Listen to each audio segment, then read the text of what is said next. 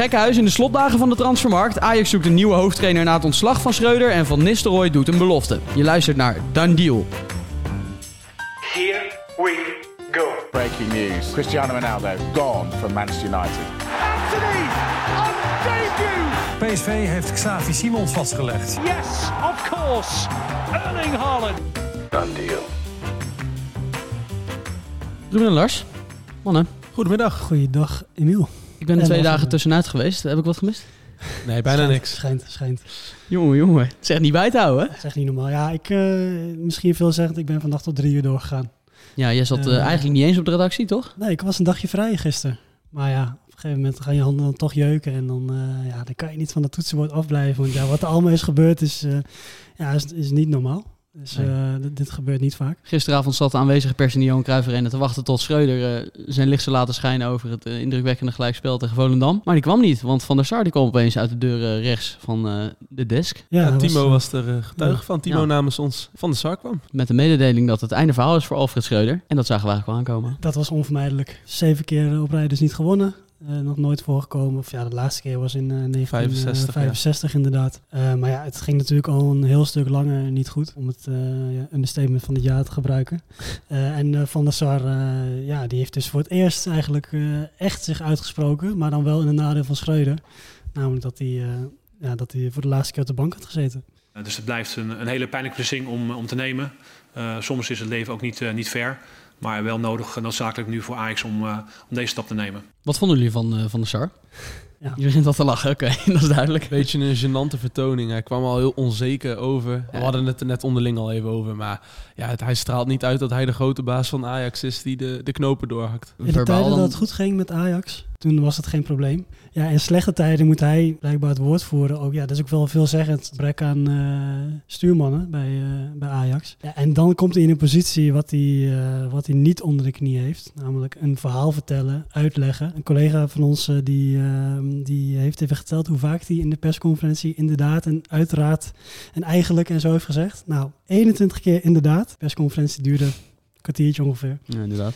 En, uh, en uh, twaalf keer eigenlijk, uiteraard. Dat was uiteraard geen goede, geen goede beurt. Nee, dat, is, uh, dat was gewoon niet goed, toch? Het is, ja. een, beetje, ja, het is een beetje hetzelfde toen, uh, was de laatste keer dat uh, Overmars natuurlijk uh, weg moest. Moest hij ook het woord voeren? Kwam die ook Had hij de data niet scherp? Niet ja, Ajax uh, heeft ook een uh, goede woordvoerder nodig. Ja, hij kreeg natuurlijk ook uh, de vraag wat dat betekent voor zijn positie. Want hij is natuurlijk degene die Schreuder heeft aangesteld. Uh, wat verwijt ik mezelf? Goeie vraag. Um, nou, er zijn er genoeg ja. inderdaad, maar dat uh, zou ik niet hier nu gelijk voor, voor aan plein publiek inderdaad dat, dat neer gaan leggen. Maar je kijkt uiteraard in de spiegel.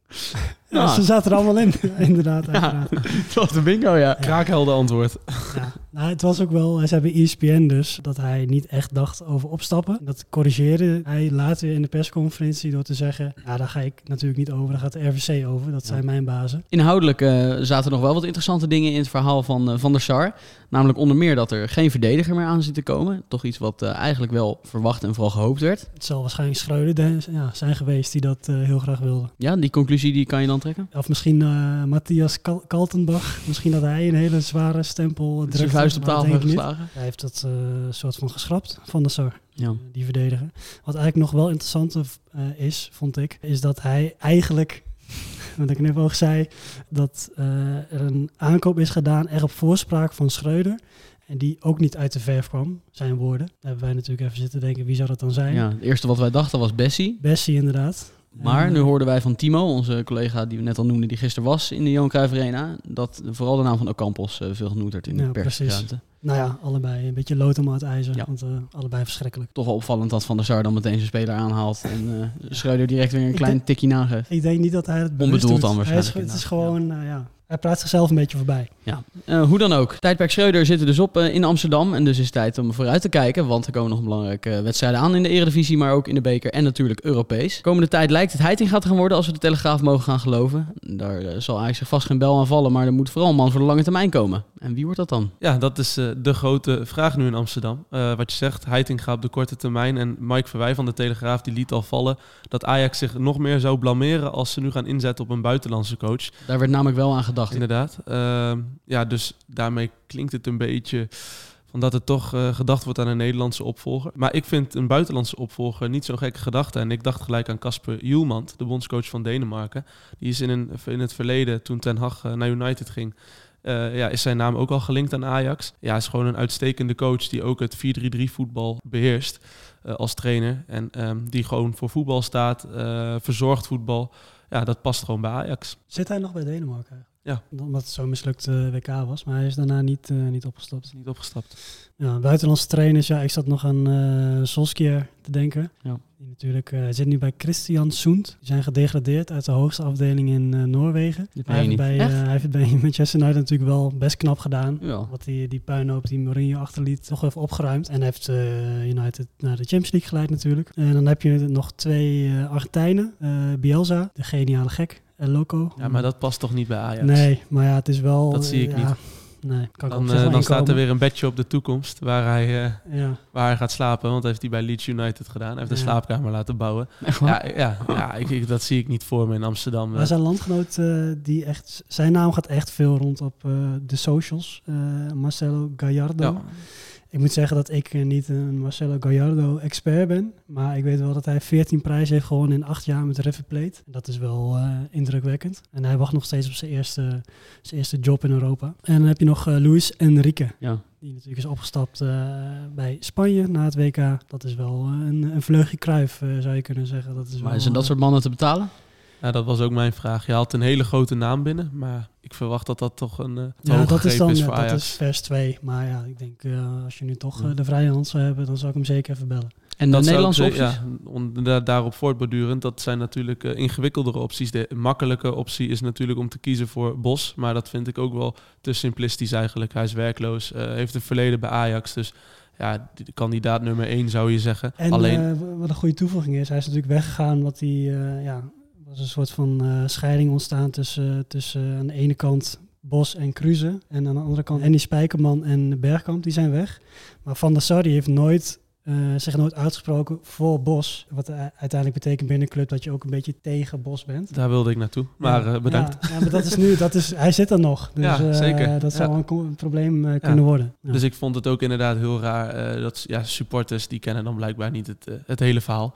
Eh, want eh, ja, de roep om Bos eh, is groot, was al een tijdje groot. Ja, nog meer Nederlandse opties. Je hebt natuurlijk Louis van Gaal die zijn handen vrij heeft, maar die zal daar denk ik niet aan gaan beginnen. Dat zou een ideale eh, algemeen directeur zijn of zo. Ja. Of een eh, raad van commissarissen. Ja, eh, adviseur boven ja. Van Gaal. Volgens mij is het wel uitgesproken niet per se eh te dat zitten wachten op een rol bij Ajax. Maar het zou wel de oplossing zijn voor alle problemen. En dan heb je nog Henk ten Katen. Zou je nog, eh, maar die is ook gepensioneerd. Ja, die heeft Beetje onlangs te- bij E ESPN ook gezegd ja. toch, dat hij geen trainersklus meer aan gaat nemen. Nee, nee, klopt. Ja. Maar eh misschien seizoen afmaken, Amsterdammer. Ja. Spannend, we houden het in de gaten. Er komen nog eh, belangrijke weken aan voor Ajax. En dat eh, is toch lekker als je dan geen trainer op de bank hebt zitten. Hoe dan ook, ehm, never a dull moment.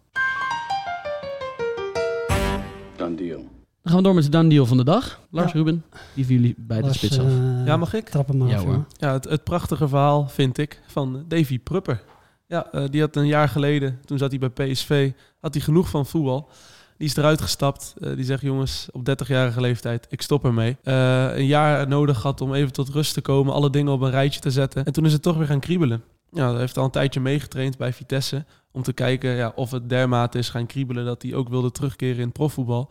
En het antwoord daarop eh, is ja. En hij keert terug bij zijn jeugdliefde, Vitesse, waar hij eh, in 2010 is gedebuteerd in het profvoetbal. En hij tekent een contract tot eh, 2024. Dus hij is weer helemaal terug. Ja, dat is wel een verrijking voor de Eredivisie. Ja, eh, absoluut. En voor En Vitesse. voor Vitesse helemaal Ja. natuurlijk. Hij zal nog wel even in moeten komen, wat ritme moet moeten krijgen. Wat ik maar- hoop, is dat Van Ginkel nog volgt. Ja, Ja, Ja. Dan heb je Van Ginkel en Prupper Onder Cocu. ja, in ere hersteld onder Cocu op het Arnhemse middenveld. heel veel die Boni erbij. Zo. Nou, dat kan hij niet meer maken na zijn NEC-tijd, Kasja. eh, denk ik. Dan heb je de hele kliek weer bij elkaar. nee, inderdaad, eh, mooi dat eh, hij het plezier weer heeft teruggevonden. Dat is hem van harte gegund. Ehm, mijn dan deel is Julien Duranville. Is een, een Belg van Anderlecht. 16 jaar jong. 11 wedstrijdjes op de teller eh, eh, pas. En hij gaat voor 8,5 miljoen naar Borussia Dortmund. En die transfersom kan nog oplopen tot eh, 10 miljoen. Een flink bedrag, zou je, eh, zou je, ja, zou je kunnen zeggen. Maar het is wel echt een gigantisch talent. Een van de grootste talenten van België. Eh, en eh, Dortmund heeft het natuurlijk vaker gedaan. Hè, met eh, Haaland redelijk vroeg oppikken. Had in de Champions League natuurlijk wel veel Dembélé. gepresteerd. maar, eh, Sancho inderdaad, eh Dembélé, Pulisic. Dus eh, ja, die hebben daar wel een handje van. Bellingham natuurlijk. Mooie match. Mijn done deal van de dag is tot Cantwell. Ik weet niet of jullie heel veel zegt. Norwich. Ja, nou nu kan, niet, tegenwoordig niet meer. Nee. Die kant wel volgens mij, ja. Ah, dit meen je niet toch? Het is echt verziek mijn hele weekend. Ehm, maar eh, de beste man die eh, speelde inderdaad bij Norwich. Middenvelder, 24 jaar oud. ja hoor, proost er even op. Het is echt misselijkmakend. Eh, maar hij gaat tekenen bij Rangers, waar eh, Van Bronckhorst natuurlijk tot voor kort aan het roer stond. En nou Ruud, weet ik dat jij een hele groot fan bent van One Direction. Mag jij mij vertellen welke van deze twee mannen tot Cantwell is en wie Harry Styles is? Ja, dat is Harry Cantwell zo te zien. Ja, die lijken... Oh, dat is wel echt... Die lijken echt op elkaar. Het is ja. echt heel ziek, hè? Ja, Dit zouden oprecht tweelingbroers kunnen zijn. ja. Welke denk jij dat het is, Lars? Dit is Harry Styles. Nee, dat is... eh, Heel goed. Nee, eh, dat was eigenlijk met name eh, waarom ik deze trouwens zo leuk vind. Want Leuk eh, voorbereid. deze voetballer ken ik namelijk helemaal niet. Veel plezier bij Rangers in ieder geval.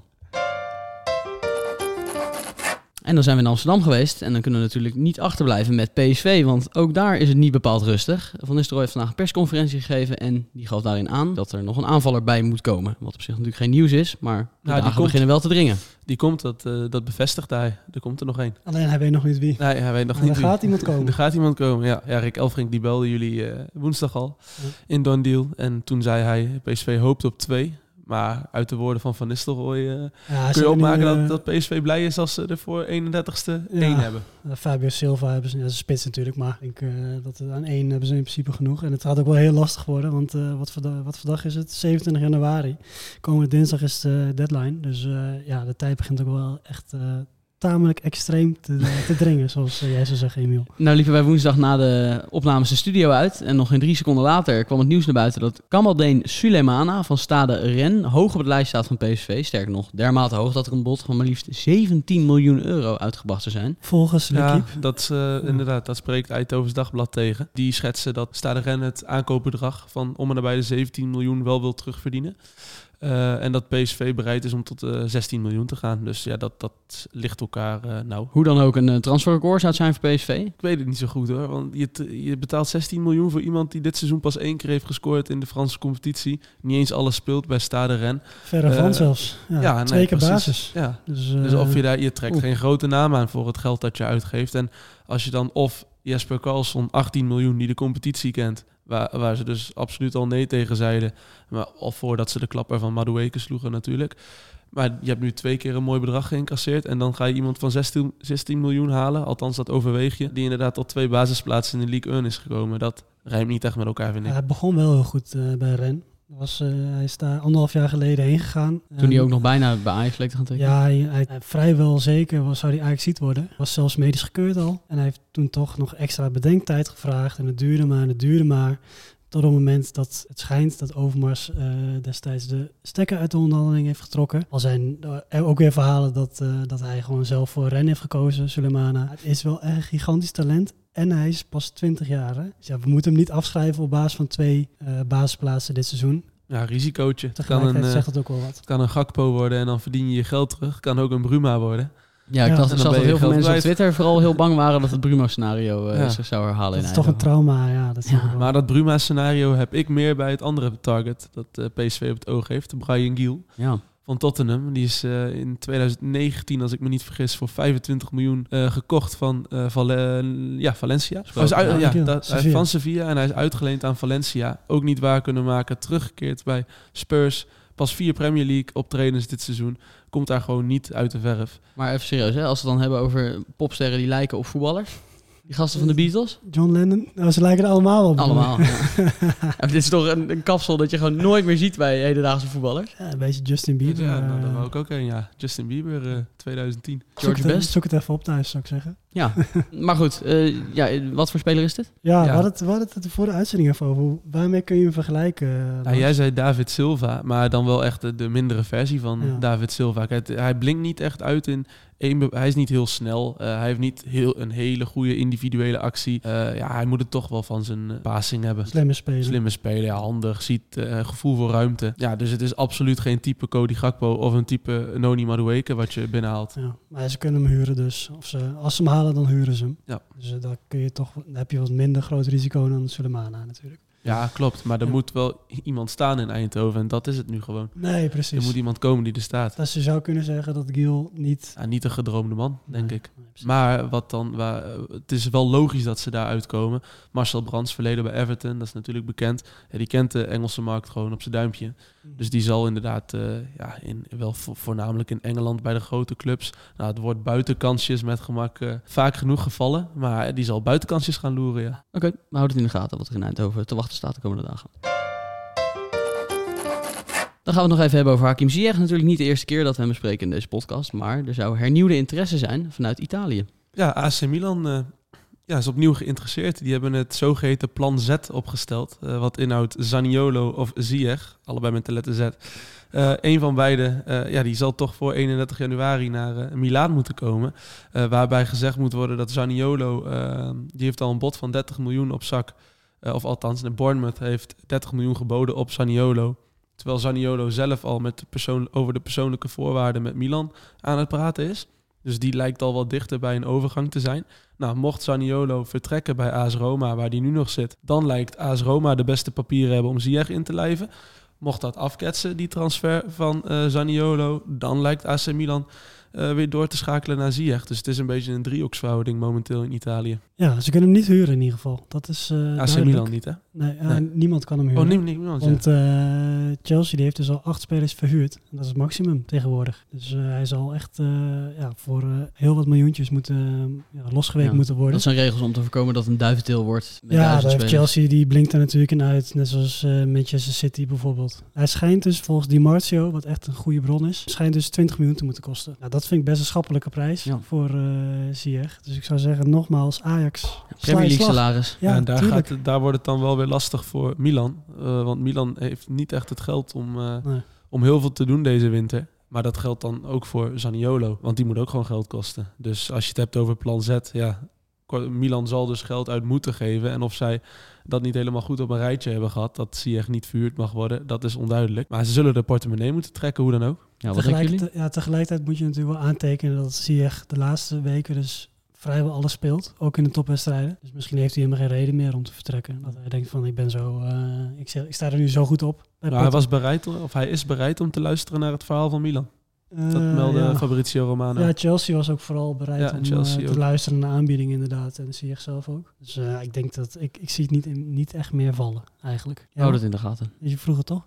Dat vroeg ik inderdaad. Ja, Ja, ja. ja, Nou, precies. dankjewel voor het uh, verlaten antwoord. Heren, dan rest mij niets anders dan jullie nog een ontzettend fijn weekend te wensen. Ja, niets minder. Dankjewel. Hetzelfde Emiel. Worden nog leuke dagen, hè? Tot en met eh, woensdag dan inderdaad. Eh, de volgende uitzending is maandag. Dan hebben we de deadline day Twee. Twee stuks. 2. Een ochtenduitzending en een middaguitzending. En dan zijn we de woensdag, als de transfermarkt gesloten is, nog één keer met een Recap. Inderdaad, een mooie woordje. een recap om eh, te kijken wat er allemaal gebeurd is de afgelopen maand. Nou, ik eh, kijk er naar uit, mannen. Tot maandag. Done deal.